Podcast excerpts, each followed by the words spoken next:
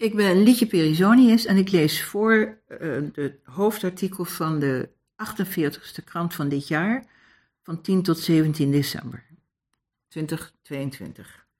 Het hoofdartikel van Karel Beckman. Het heet Media verzwijgen goed nieuws over klimaat. Tweederde van de jongeren in de wereld lijdt aan eco-angst, blijkt uit recente studie. Geen wonder, de media berichten voortdurend rampen rond klimaatverandering. Een nieuws dat ingaat tegen het klimaatnarratief wordt genegeerd. Dat nieuws is er wel degelijk. Op de Zuidpool is het kouder dan ooit eerder gemeten. Het zeeijs in het Noordpoolgebied is al acht jaar stabiel en had afgelopen zomerseizoen een veel grotere oppervlakte dan de dieptepunt in 2012. Het Great Barrier Reef doet het prima en vertoont geen tekenen dat het zal verdwijnen, zoals dat heet. De wereldwijde temperatuur is al acht jaar niet gestegen. Het hoge CO2-gehalte zorgt voor vergroening van de planeet. Er is geen bewijs voor een toename in weerextremen. De orkaanactiviteit op het noordelijk halfrond is al 50 jaar stabiel. Al dit geruststellende nieuws lijkt niet welkom te zijn in het publieke debat. Niet iedereen beseft ook dat het klimaatbeleid is gebaseerd op computermodellen, waarop veel valt af te dingen.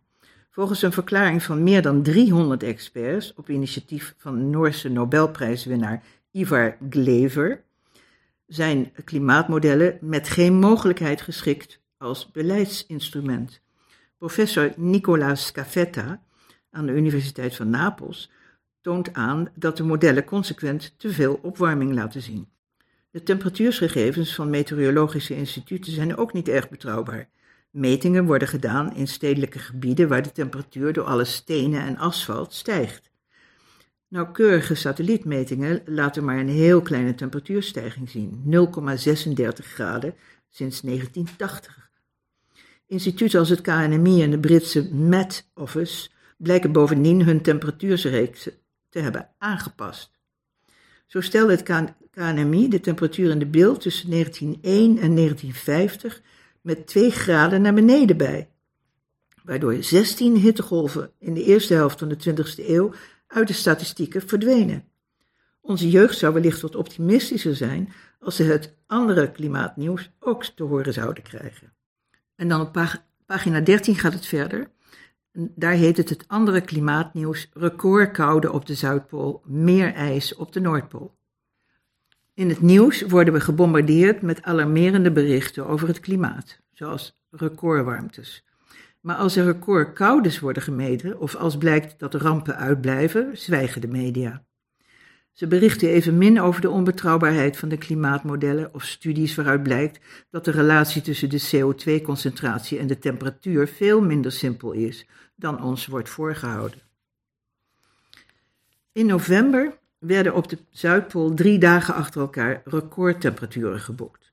Record koude wel te verstaan.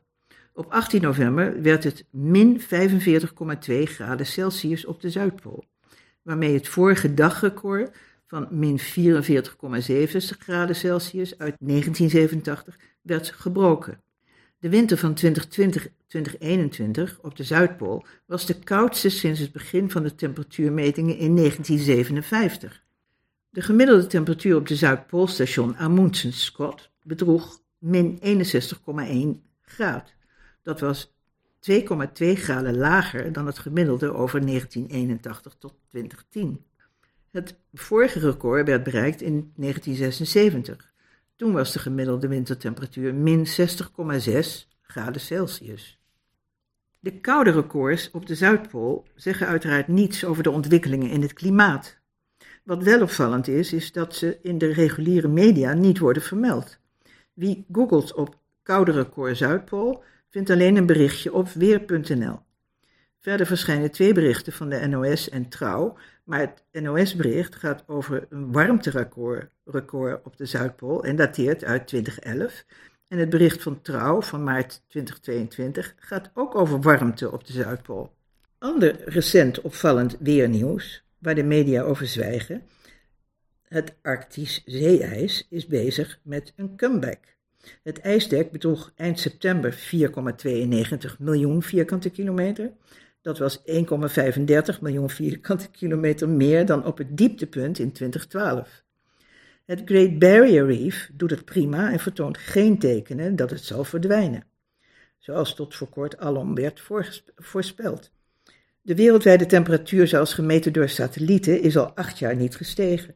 De orkaanactiviteit op het noordelijk halfrond was dit jaar 30% minder dan gemiddeld en is al 50 jaar stabiel binnen een beperkte bandbreedte.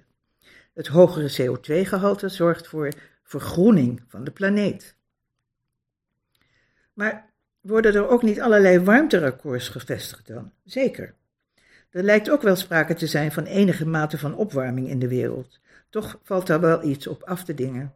Zo wordt er gemeten in gebieden die steeds verder verstedelijken, vaak zelfs op vliegvelden. Door de toenemende verstedelijking, stenen en asfalt, stijgt de temperatuur op de meetplekken. De vraag is of onderzoekers voldoende rekening houden met dit urbaniseringseffect. Volgens onderzoekers Roy Spencer en John Christie van de Universiteit van Alabama is dat niet zo.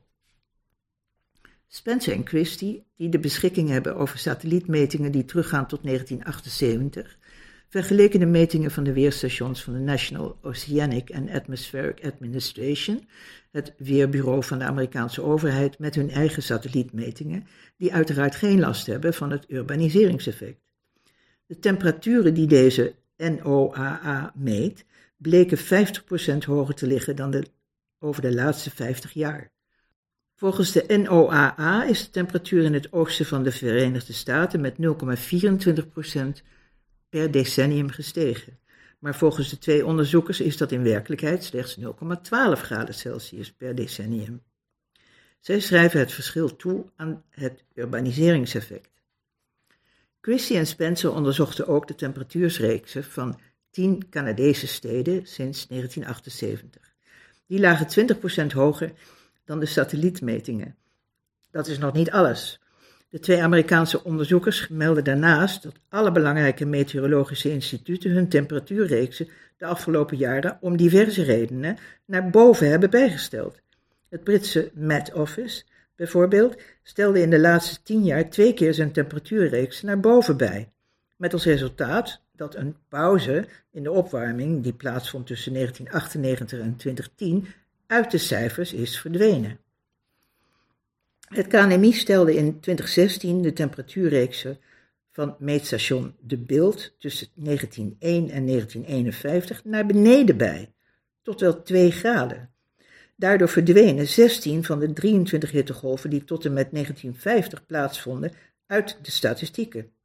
Sinds die tijd vertellen medewerkers van het KNMI dat het aantal hittegolven de laatste decennia fors is gestegen van slechts 7 in de eerste helft van de 20e eeuw tot 22 na 1950.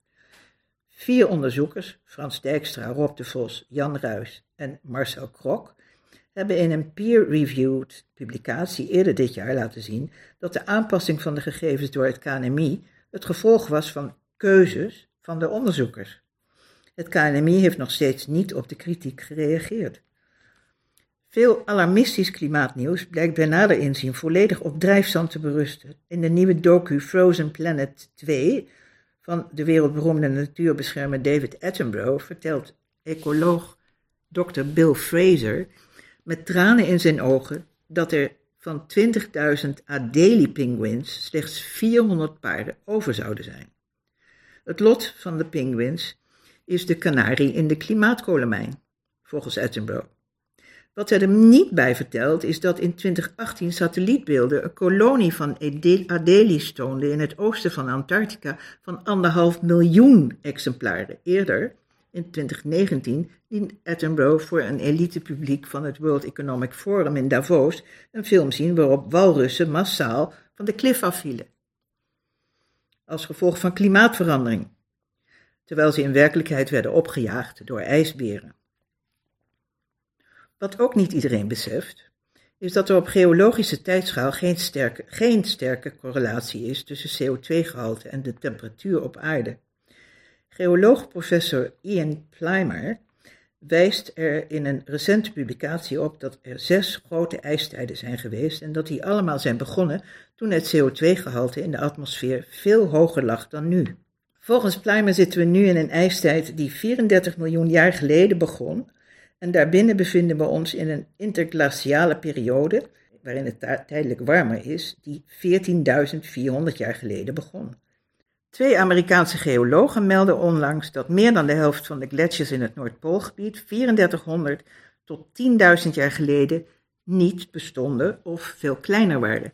In die tijd lag het CO2-gehalte op 260 tot 270 deeltjes per miljoen, vergeleken met 410 deeltjes per miljoen nu.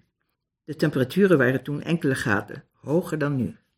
Het is hoe dan ook duidelijk dat de computermodellen die door klimaatonderzoekers worden gebruikt hogere opwarming voorspellen dan daadwerkelijk plaatsvindt. Dat blijkt uit recent onderzoek van professor Nicola Scafetta, een natuurkundige van de Universiteit van Napels.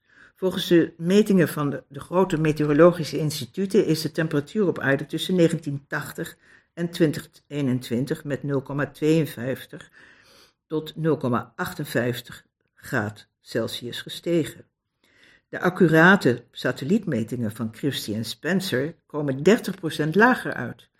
Maar als de klimaatmodellen correct waren geweest, dan had de temperatuur veel meer moeten stijgen, met 1,8 graad, volgens de meest conservatieve computermodellen, tot wel 5,7 graden Celsius voor de meest alarmistische modellen.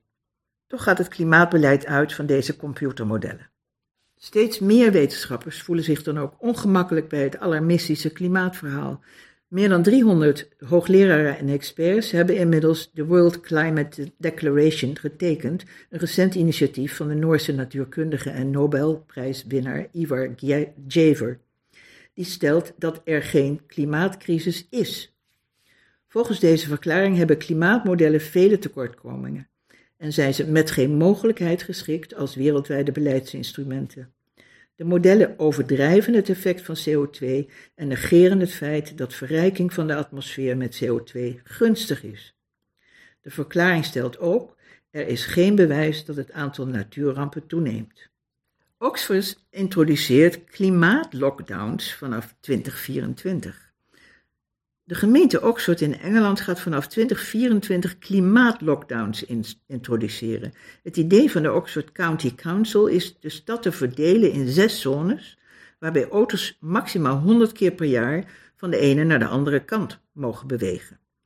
Er zouden elektronische poortjes komen bij belangrijke wegen in de stad om de bewegingen van de auto's te registreren en inwoners worden verplicht hun auto aan te melden bij de gemeente.